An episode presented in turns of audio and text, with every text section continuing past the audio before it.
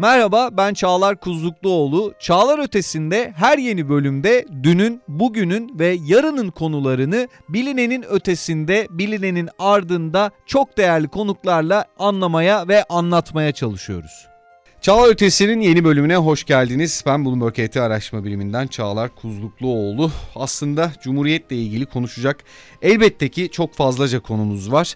Ama son dönemde malum haliniz e, dünyada da Türkiye'de de kadın özgürlüğü, kadınların iş dünyasındaki, ekonomideki, hemen hemen hayatın her alanındaki başarılarını ve e, artık dünyanın e, aşması gereken yükselttiği çıtasını konuşur vaziyetteyiz. Bugün bunun aslında sanat yanına yine bir kadın gözüyle bakmaya çalışacağız. İstanbul Topkapı Üniversitesi doktor öğretim üyesi Sayın Hülya Kalyoncu bizlerle birlikte. Hocam hoş geldiniz. Hoş bulduk. Davetiniz için teşekkür ediyorum. Ben teşekkür ederim hocam. Yorduk sizleri buraya kadar. Rica ederim. Çok keyifli olacağına eminim. ben de kesinlikle. Hocam e, siz tabii ki işin sanat kısmını ele alacaksınız ama e, Atatürk'ün e, birçok sözünü, söylev ve demeçlerini biz gündelik hayatta okuyor, tekrar ediyor ya da görüyoruz bir yerlerde. Bazen bu çoğunluğun içerisinde kaybolabiliyor ama 10. yıl nutkundan bir girizgahla sözü e, size devretmek istiyorum. Özellikle daha çok çalışacağız dedikten sonra yüksek bir insan cemiyeti olan Türk milletinin tarihi vasfı güzel sanatları sevmek ve onda yükselmektir diyor ve bunun içindir ki milletimizin yüksek karakterini, yorulmaz, e, yorulmaz çalışkanlığını, fıtri zekasını, ilme bağlılığını, güzel sanatlara sevgisini, milli birlik duygusunu mütemadiyen ve her türlü vasıta ve tedbirlerle besleyerek inkişaf ettirmek milli ülkümüzdür diyor. Hı hı. Hocam nasıl bir vizyonu var Atatürk'ün? Nasıl bir vizyonu yok ki? Şimdi Atatürk e, ke dair herhangi bir konu e, gerçekten e, yani anlatılması kitaplar, kütüphaneler isteyen e, bir konu. Ve e, tabii çok kısacık bir süremiz var. Bu sürede de e, Atatürk işte sanat, e, sanata yaklaşımı ve bunun için yapılanları e, şöyle bir e, kısaca gözden geçirelim. E, bir kere Atatürk e, gerçekten e, o kadar çok şeyler yapmış ki hani sanat alanında da böyle. Ama e, yaptığı işlere gelene kadar öncelikle şunu belirtmek istiyorum ki Osmanlı toplumunda e, çok geniş bir coğrafyaya yayılan e, toplumda e, baktığımız zaman toplumsal olarak bir uyum varmış gibi görünmesine rağmen aslında e, dinsel ve etnik kategorilere ayrılmış bir toplum karşımıza çıkıyor toplumun yaşam yerleri, e, giyim kuşamları, yaşam şekilleri bile aslında bir takım fermanlarla e, kategorize edilmiş. Ve e, kozmopolit bir yapıya sahip Osmanlı'da özellikle Müslüman Türklerin e, işte çiftçilik ve askerlik gibi e, sınırlı görevlerle e, görevlendirildiğini görüyoruz. Azınlıklar ise daha çok sanat ve ticarete yönlendirilmiş. Tabii ekonomik geliri de bu anlamda daha fazla. Böyle de olunca toplumda aslında ister istemez bir ayrışma zaten kendi kendine oluşmuş vaziyette. Tabii ki bir millet yaratmanın da aslında en temel özelliği o milli ruhu yaratabilmekti. Kuvayi milliye ruhu dediğimiz. Atatürk devrimleri yapmadan önce hatta milli mücadeleyi yapmadan önce öncelikle bunun üstüne gidiyor. O ruhu yaratabilmek ki çok önemli bir toplum e, millet yaratabilmek için. Ve Atatürk e, millet tanımlamasını şöyle yapıyor. Çok basit bir tanımlama yapıyor. E, diyor ki e, aslında e, Türkiye Cumhuriyeti'ni kuran Türkiye halkına Türk milleti denir. Ve bunu da kendi yazmış olduğu Vatandaş için Medeni Bilgiler kitabında el yazısıyla yazıyor çok önemli bir kavram. Yani milletin oluşması ama hiçbir şekilde Türklük kavramı e, herhangi bir etnik e, dinsel kökene dayanmıyor. Aslında hocam cumhuriyet olarak bizi diğer cumhuriyetlerden ayıran özlerden bir tanesi Kesinlikle. bu öyle değil mi? Yani önce o millet ruhunu yaratmıştı Atatürk. Bu çok önemli bir şeydi. Çünkü e, Türk yani Osmanlı toplumunda Türklük bilinci ve millet olma bilinci yok tamamen farklı coğrafyalarda yaşayan insan e, grupları var ve e, kendilerinin Türk olduğunu farkında değiller. Hatta bu çok enteresan. E, ben bunu e, çok kıymetli bir hocamız var Muazzez İlmiyeçi. E, Hititoloji e, uzmanıdır kendisi. 100 yaşında filan şu anda bu Allah hocamız. Versin, verdi de evet zaten. mutlaka biliyorsunuz. Onunla bir röportaj yapıyorlar. Televizyonda izledim ben de. İlk söylediği şey şu oluyor. Yatağında yapıyor bu şeyi, e, röportajı ve diyor oğlum diyor biz diyor Türk de- demezdik yani bilmiyorduk diyor Türk'ün ne demek olduğunu. Şimdi bunun için Atatürk'ün e, tabii ki öncelikle e, bu konu üstüne gitmesi, e, kendi e, Türk tarihinin araştırılma üzerine çalışmaları, kültür e, birikim açısından son derece önemli ve o güne kadar hiçbir Türk toplumunda yapılmış bir şey değil bu. Bunun için ne yapıyor Atatürk? E, 28 Nisan 1930 tarihinde e, Türk Ocakları'nın 6. kurultayı e, toplanıyor ve Afet İnan'a e, özellikle görev veriyor. Yine bir kadın bu arada. Tabii. Yine bir kadın ve birçok şeyin de aslında e, şeyidir Afet İnan. Yani e, öncüsüdür e, gerçekten. E, son derece iyi bir eğit- eğitim alıp geliyor zaten. Biliyorsunuz Atatürk'ün manevi kızı ve e, birçok şeyin de öncülüğünü yapıyor. E, bir kere Türk tarihinin bilimsel olarak araştırılması için bir heyet kurulmasını istiyor Atatürk. E, bunu da e, Afet İnan ve inanılmaz bir e, konuşmayla e, çok büyük alkışlar al- alarak e, yaptığı bir konuşma neticesinde kabul ettiriyor ve e, Türk Tarih Kurumu'nun ilk temelleri bu şekilde oluşturuluyor. Oluşturulan bu kurumla ilk olarak Anadolu'da e, 10 yıl sürecek bir çatal e, höyük kazıları başlıyor ki o güne kadar böyle şeyler yapılmış değil. Adeta kendimizi keşfediyoruz değil mi hocam? Kesinlikle e, ve hatta biliyorsunuz yani Abdülhamit döneminde işte Bergama e, olduğu gibi e, şeye teslim ediliyor Almanlara ve biz nakliye parasını da ödeyerek falan işte Pergamon'a gönderiyoruz. Bugün Pergamon Müzesi e, vardır Almanya'da. Berlin'de. Ben de Ee, Berlin'de evet e, müzeler adası denilen yerde ve dünyanın en çok kazanan müzelerinin başında geliyor. Pergamon Müzesi ve olduğu gibi Zeus altarını biz oraya kesip biçerek falan e, gönderiyoruz elimizle. Şimdi böyle bir bilinç var. Yani Anadolu'nun altı üstü oyulmuş. Bütün işte tarihi şeylerimiz bir şekilde yurt dışına gidiyor falan ama Atatürk kazılar yaptırarak Anadolu'da Türklük tarihini ilk olarak araştırmaya açıyor. O kadarla da kalmıyor. Orta Asya'dan itibaren e, Türk tarihini araştırtıyor. İşte güneş teorisi, dil, kökenimiz işte Sümer, Sümerlere kadar e, inen bir araştırma ki Muazzez İlmi Yeçil'in e, yaptığı en büyük araştırmalardan birisidir bu. E, böyle bir süreç yaşıyor. E, ilk defa e, Türk kültür tarihi. Bunlar çok önemli çalışmalar. Yani savaşı kazandıktan sonra sadece askeri bir zafer elde ettik. Hadi Kesinlikle. devleti kuruyoruz değil. Bir nevi belki de ona soluk verecek e, kendimizi keşfe e, girişiyoruz. Öyle değil mi Tabii hocam? ki ve bunun üzerine sözler de söylüyor Atatürk. Yani e, işte tabii bu bilincin yaratılması için de e, farklı şeyler de yapılıyor.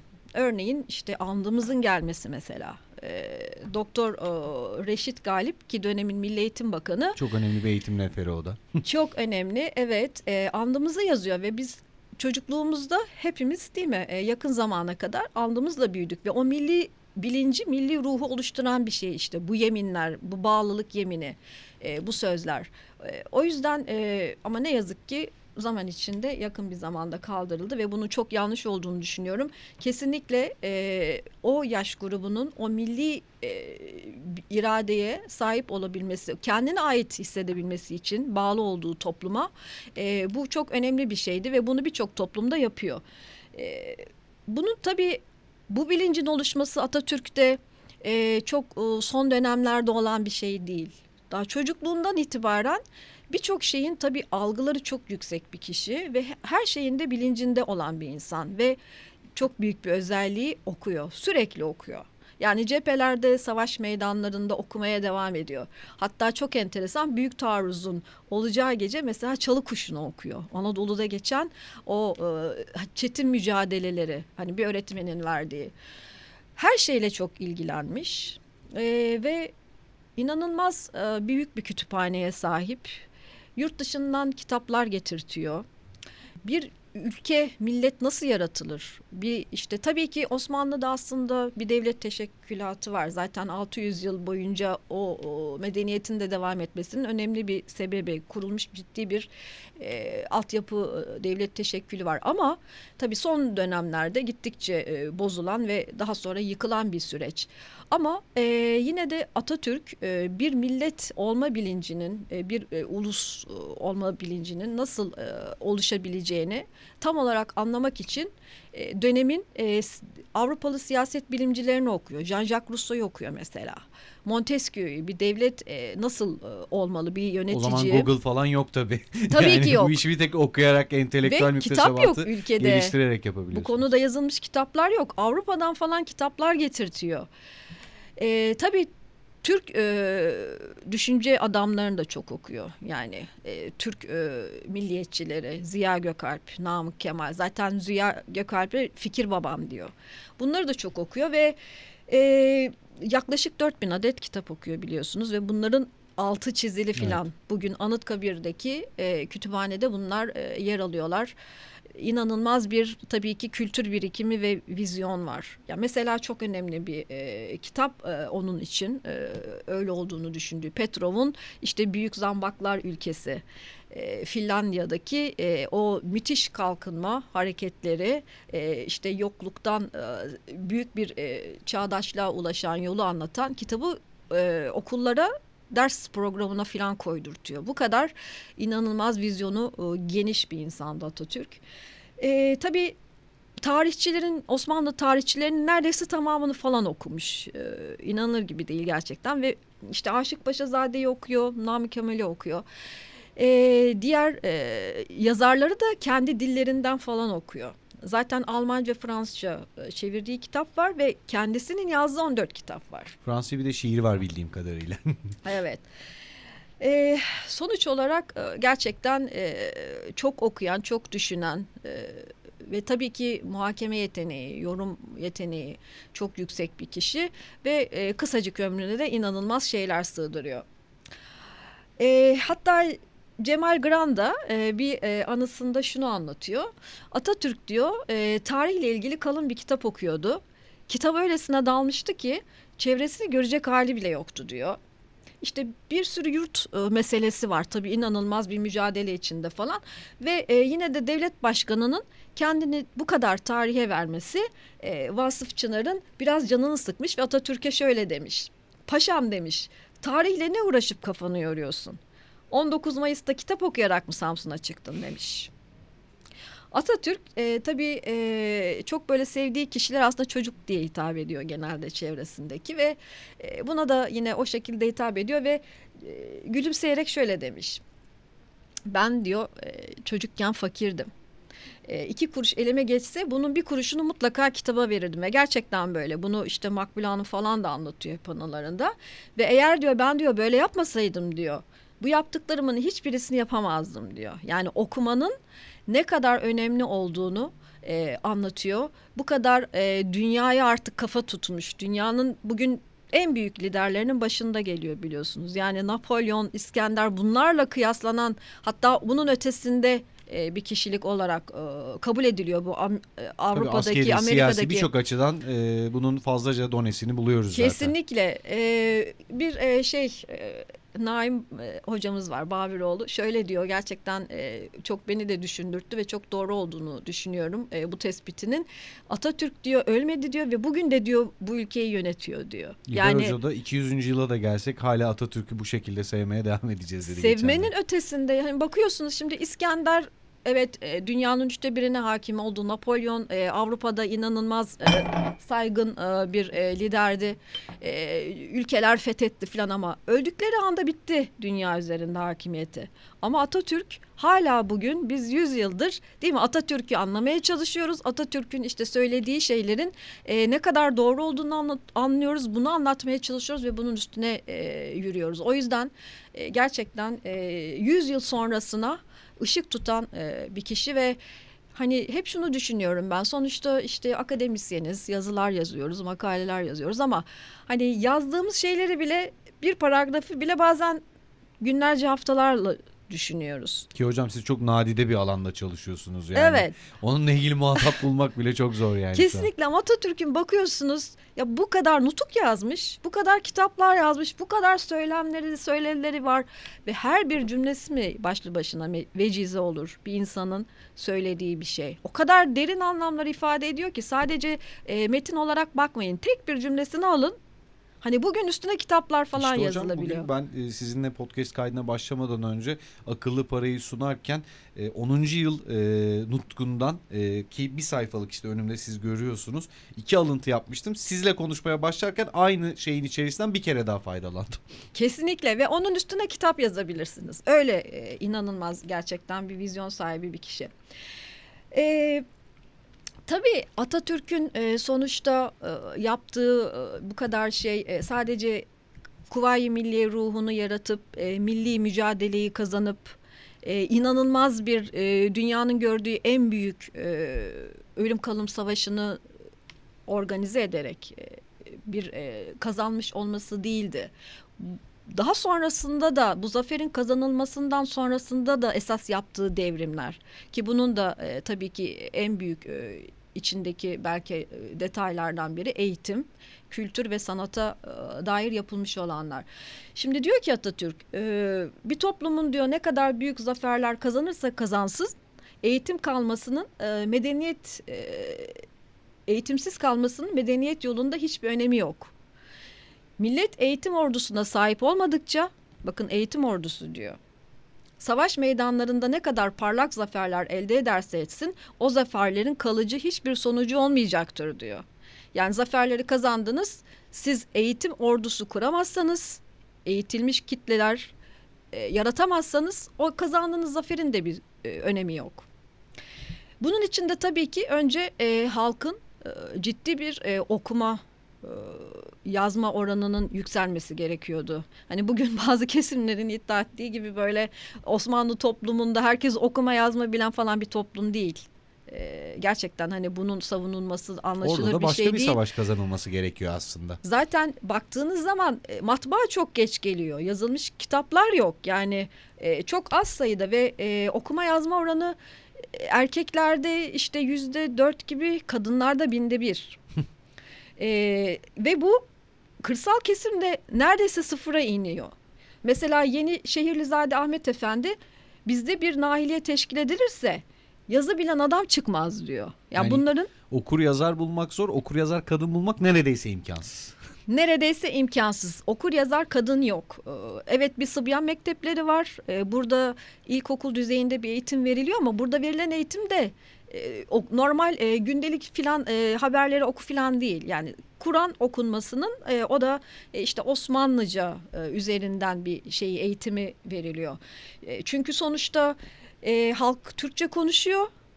Ama Türkçe'ye uygun olmayan Arap harfleriyle yazılan bir Osmanlıca var. Osmanlıca bir dil değil aslında bir yazı dili. Ve halkın okuma e, yazma oranını tabii ki çok düşürüyor bu. Ve daha sonra e, 3 Mart 1924'te gelen tabii, tabii ki yine eğitimin e, ileri boyuta taşınmasını amaçlayan Tevhidi Tedrisat Kanunu. Çünkü e, eğitim e, gerçekten çok dağınık, e, belli bir örgün bir eğitim sistemi yok. Abdülhamit döneminde aslında gerçekten eğitim alanında bazı çalışmalar yapılıyor. Ama bu çok e, yüzeysel kalıyor, örgünleşemiyor hiçbir zaman. Tev, tevhid e, Tedrisat Kanunu'yla ise e, milli bir e, eğitim e, sistemi e, getiriliyor. Milli Eğitim Bakanlığı'na e, bugünkü anlamda bağlı bir sistem gelmiş oluyor. Ve Kasım 1928 tarihinde de hepimizin bildiği harf devrimi geliyor. Şimdi harf devrimi de hep tartışılan bir şey ama aslında harf devrimi zaten e, Atatürk döneminde temelleri atılmış bir olgu da değil. Daha 16. yüzyıldan itibaren okuma zorluklarını gören aydın kesimler hep bu yönde en azından dilin işte e, alfabenin iyileştirilmesi, daha e, halka inmesi gibi şeyleri konuşmaya başlıyorlar. 19. yüzyılda da aydınlar artık yani bu e, gerçekten zorluğu anlatan, halkın e, okuyamadığını belirten pek çok yayınlar yapmışlar.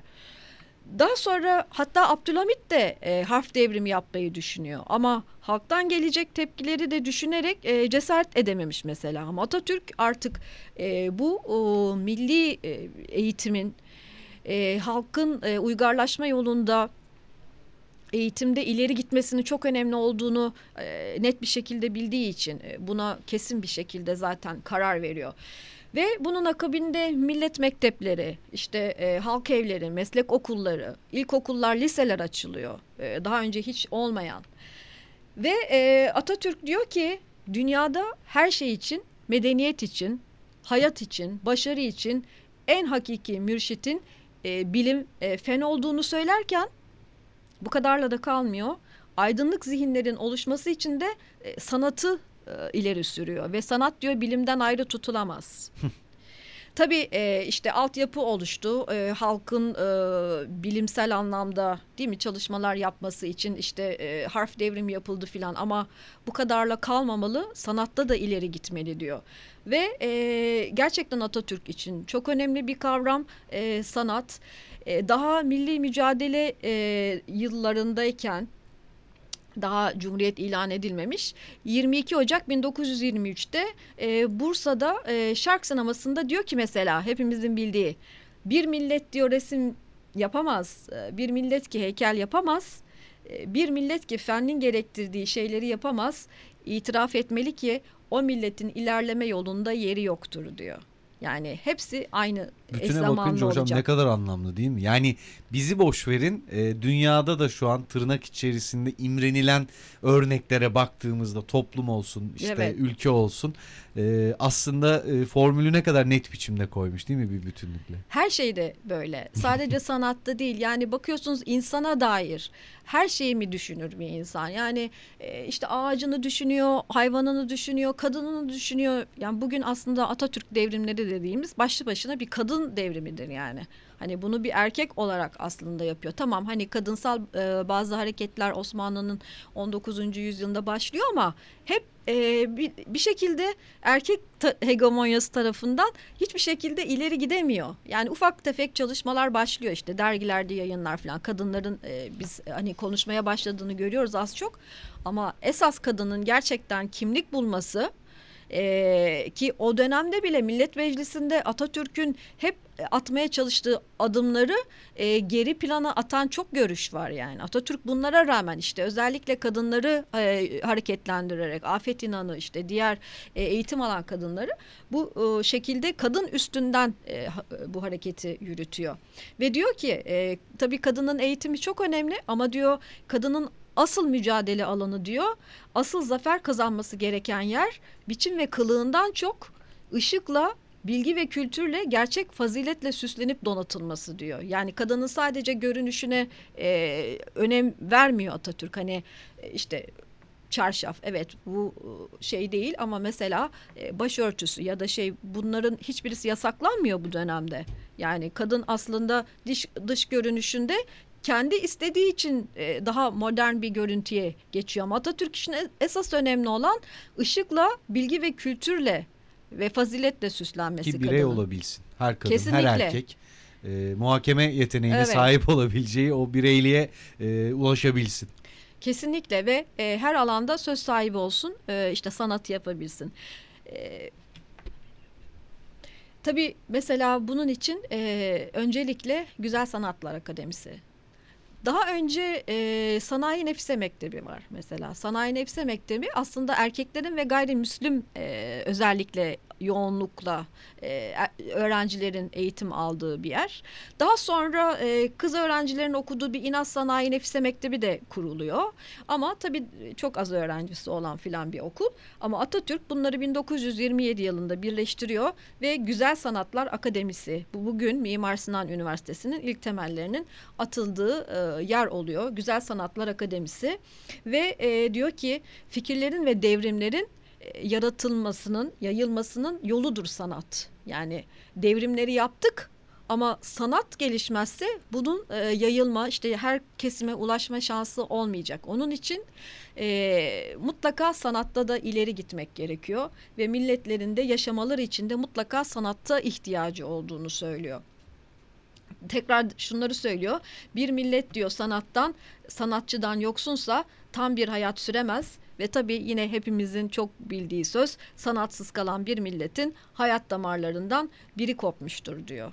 Ve sanatçının görevini de toplumu aydınlatmak olarak aslında belirliyor. Yani sanatçı sadece kendi sanatını yapmayacak. İşte toplum için mi sanat sanat için mi tartışmaları sonuçta toplumu aydınlatması gereken kişiler olarak görüyor sanatçıyı. Ve hatta yine diyor ki efendiler diyor hepiniz mebus olabilirsiniz vekil olabilirsiniz. Hatta cumhurbaşkanı bile olabilirsiniz.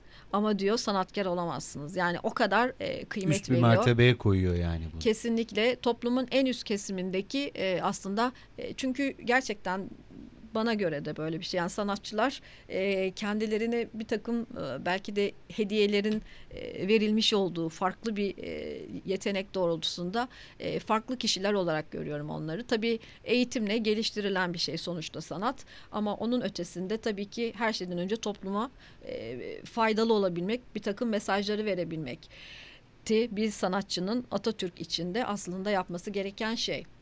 Tabii bununla birlikte Atatürk e, bunları yaparken hep kendi örnek olmuş. Mesela müziğe çok önem veriyor ve e, işte Falih Rıfkı Atay'ın bildirdiğine göre müziksiz bir devrim olmaz diyor. E, bunun için 1924 yılında daha önceki işte e, Mehteren takımı daha sonra farklı e, şekillerde tabii geliştirilerek falan Cumhurbaşkanı e, Başkanlığı Senfoni Orkestrası'na dönüştürülüyor ve Atatürk düzenli bir şekilde konserler verdirerek dinliyor yani. Hani e, bu kadar da e, inanılmaz müziğe e, önem veriyor. E, kendisi işte e, dans ediyor biliyorsunuz. Valsler yapıyor işte Yani hocam Zeybek. duygusallaşmak istemiyorum da müthiş zarif bir insan zaten. Yani Müthiş bir yani inanılmaz gerçekten hani birçok yaptığı şeye baktığınız zaman ve kısacık ömründe zaten 40 yaşında e, neredeyse işte milli mücadeleyi kazanmış. E, tabii ki toplumu yani o da tabii başlı başına bir konu şimdi ona gir, girersek o da çok uzun. E, o yaşta ama silah arkadaşları dediğimiz kişiler de böyle yani genç bir jenerasyonun aslında birlikte e, tabii ki e, eğitim ve vizyonunu kullanarak ve bunların çoğu zaten asker kökenli e, çok iyi eğitim almış e, kişiler e, bu ülkenin gerçekten gerçek kurtarıcıları yani onları bilemiyorum hani yapsak yatıp kalkıp ödeyemeyiz. her gece her gün e, dua etmemiz lazım bize bu ana vatanı e, tekrardan vatan haline e, getirdikleri için. Yine sanatsal yönüne e, birazcık daha devam edecek olursak e, tabii işte e, örnek olmak için e, mesela Latife Hanım'la neden e, ilk dansı yapıyor, vals yapıyor, işte e, zeybek oyunları topluma her şeyde önce kendi örnek olmak istemiş. Hatta Latife Hanım'la da onunla onun için evleniyor. Yani Latife Hanım e, çok e, genç, 20'li yaşların başında ama yurt dışında eğitim almış, birkaç dil konuşabilen e, ve e, çok son derece kültürlü bir kişi. Uşakizadelerden geliyor, İzmirli bir aile. Ve e, Atatürk tabii onun bu e, kültürlü ve e, eğitimli yönüne çok hayran kalıyor. E, Atatürk'e zaten çeviriler yapıyor, onun yazılarını dikte ediyor filan. İlk zaten şeyleri böyle başlıyor ilişkileri. Ve e, kendi kişisel duygularından çok ki Atatürk'ün aslında hani aşkları falan da var. Biz bugün bunları daha yeni yeni konuşmaya başlıyoruz baktığınız zaman. işte Atatürk film yapıldı seyretmedim ama sanırım yine e, Atatürk'ün duygusal yaşamıyla ilgili şeyler göreceğiz o filmde de.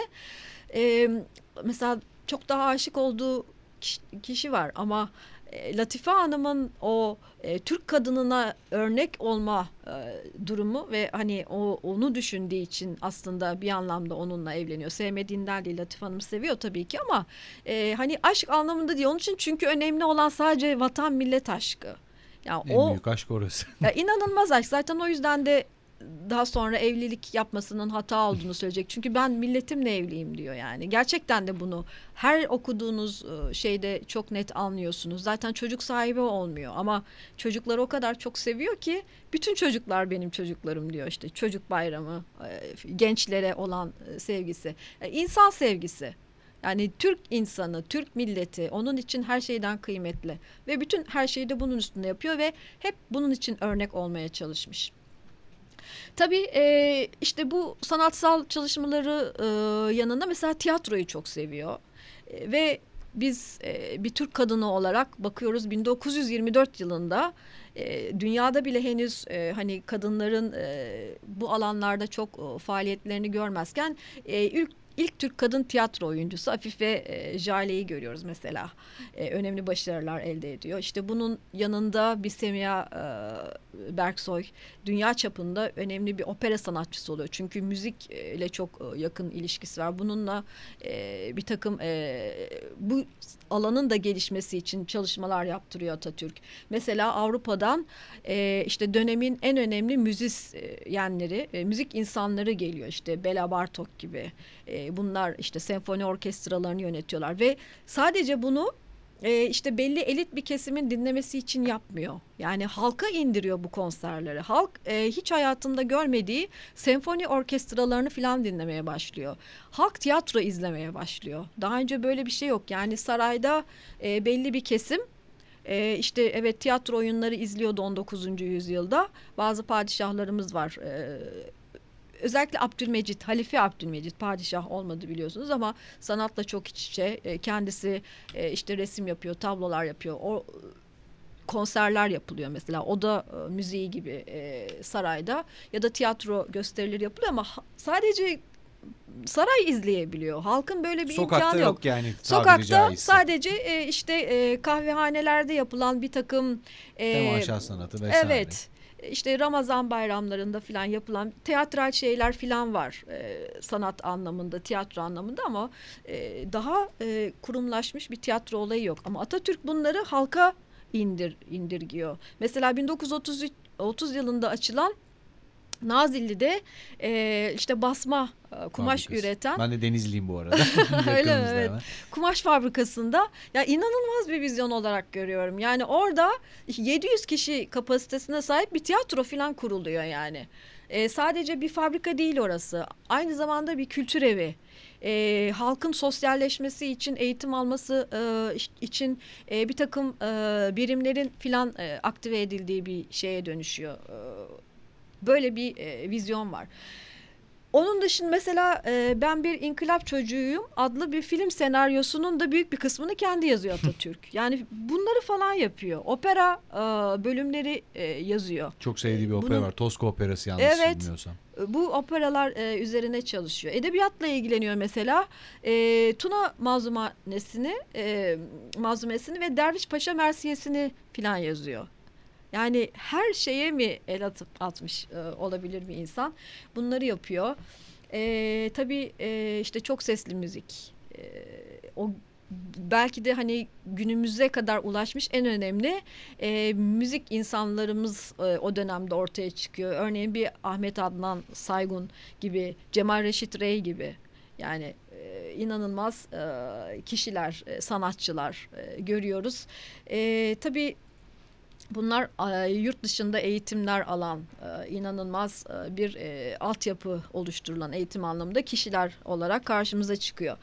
Tabii yine halk evleri, köy enstitüleri çok önemli. Çünkü buradan Anadolu'nun en ücra köşelerine kadar eğitim anlamında seferberlik başlanıyor.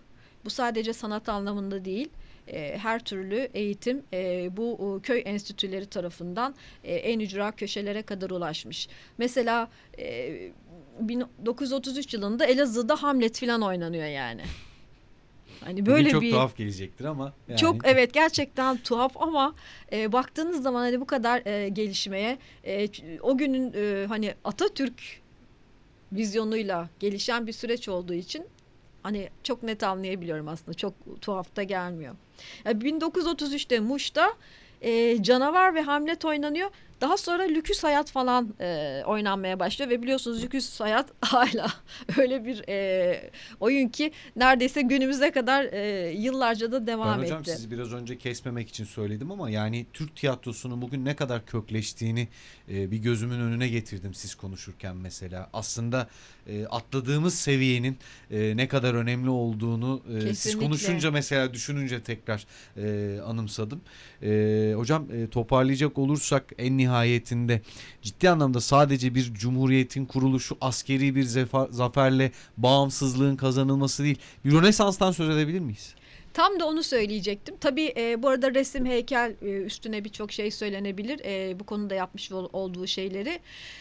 Yani e, aslında baktığınız zaman Avrupa biliyorsunuz 476 yılında e, Roma İmparatorluğu'nun Batı Roma'nın e, yıkılmasıyla karanlık bir sürece girdi. Hani bazı kesimler tarafından karanlık olmadığı ta- söyleniyor ama çok net bir şekilde karanlık sürece girdi ve 16. e, 14. yüzyılda başlatalım. 16. 17. yüzyıla kadar devam eden bir Rönesans e, şeyine geçti, sürecine geçti. Yani arada bakın 5. yüzyıl e, işte e, Kocaman bir 13 zaman dilimi var yani. tarih 800 yıl, yüz, yüz yıl sonra bu kadar şeyi o kadar zamanda yaptı ama e, aslında Türkiye'deki bu Rönesans baktığınız zaman sadece bir 15 yılda e, inanılmaz bir seviyeye yükseldi. Çünkü hani Osmanlı'yı konuşacak olursak bunların hiçbiri yok. Demek ki sıfırdan başlayan bir süreç var e, özellikle sanat alanında. O yüzden e, müthiş bir vizyon ve e, gerçekten tabii ki e, Atatürk bugün e, bu bizlere açmış olduğu çok geniş vizyonla e, ve inanılmaz devrimleriyle sonsuza kadar da bizimle yaşayacak. E, bunu da e, net bir şekilde söyleyebiliriz. Cumhuriyetimizin 100. yılı hepimize kutlu ve mutlu olsun. Hocam ayağınıza, yüreğinize, ağzınıza sağlık. Gözlerinizde de oldu. Ben konuşurken benim de gözlerimde doldu. Kesinlikle. Her Ee, duyduğumda her hikayeyi hep böyle oluyorum. İnşallah e, 101. yılında e, ve ilerleyen e, yıl dönümlerinde çok daha büyük coşkuyla ve e, sizin bugün yine e, sizi e, tanımamıza vesile olan bu paylaştığınız bilgilerin ciddi anlamda kıymetini, değerini bizim için aslında ne kadar tırnak içerisinde bugün karizmatik olduğunu, başımıza eğmememiz gerektiğini anlayarak e, bunları e, konuşmaya devam ederiz. Daha da yükseltiriz o çıtayı. Kesinlikle. Ee, çok teşekkür ediyoruz. Ee, bugün e, buralara kadar e, geldiniz. Doktor öğretim üyesi Hülya Kalyoncu bizlerle birlikteydi. Hocam aslında e, kutladı gerekli e, şeyleri söyledi ama ben de son cümleyi e, Cumhuriyetimizin e, 100. yılını e, kutlayarak e, tamamlayayım. Nice yüzyıllara diyelim. Biz e, fani olarak görmesek de Atatürk herhalde zamana karşı e, bu noktada e, parlamaya devam edecek. Çok sağ olun hocam tekrardan. Sizlerle olmak çok büyük keyifti. Ben de teşekkür ediyorum. Ben teşekkür ediyorum.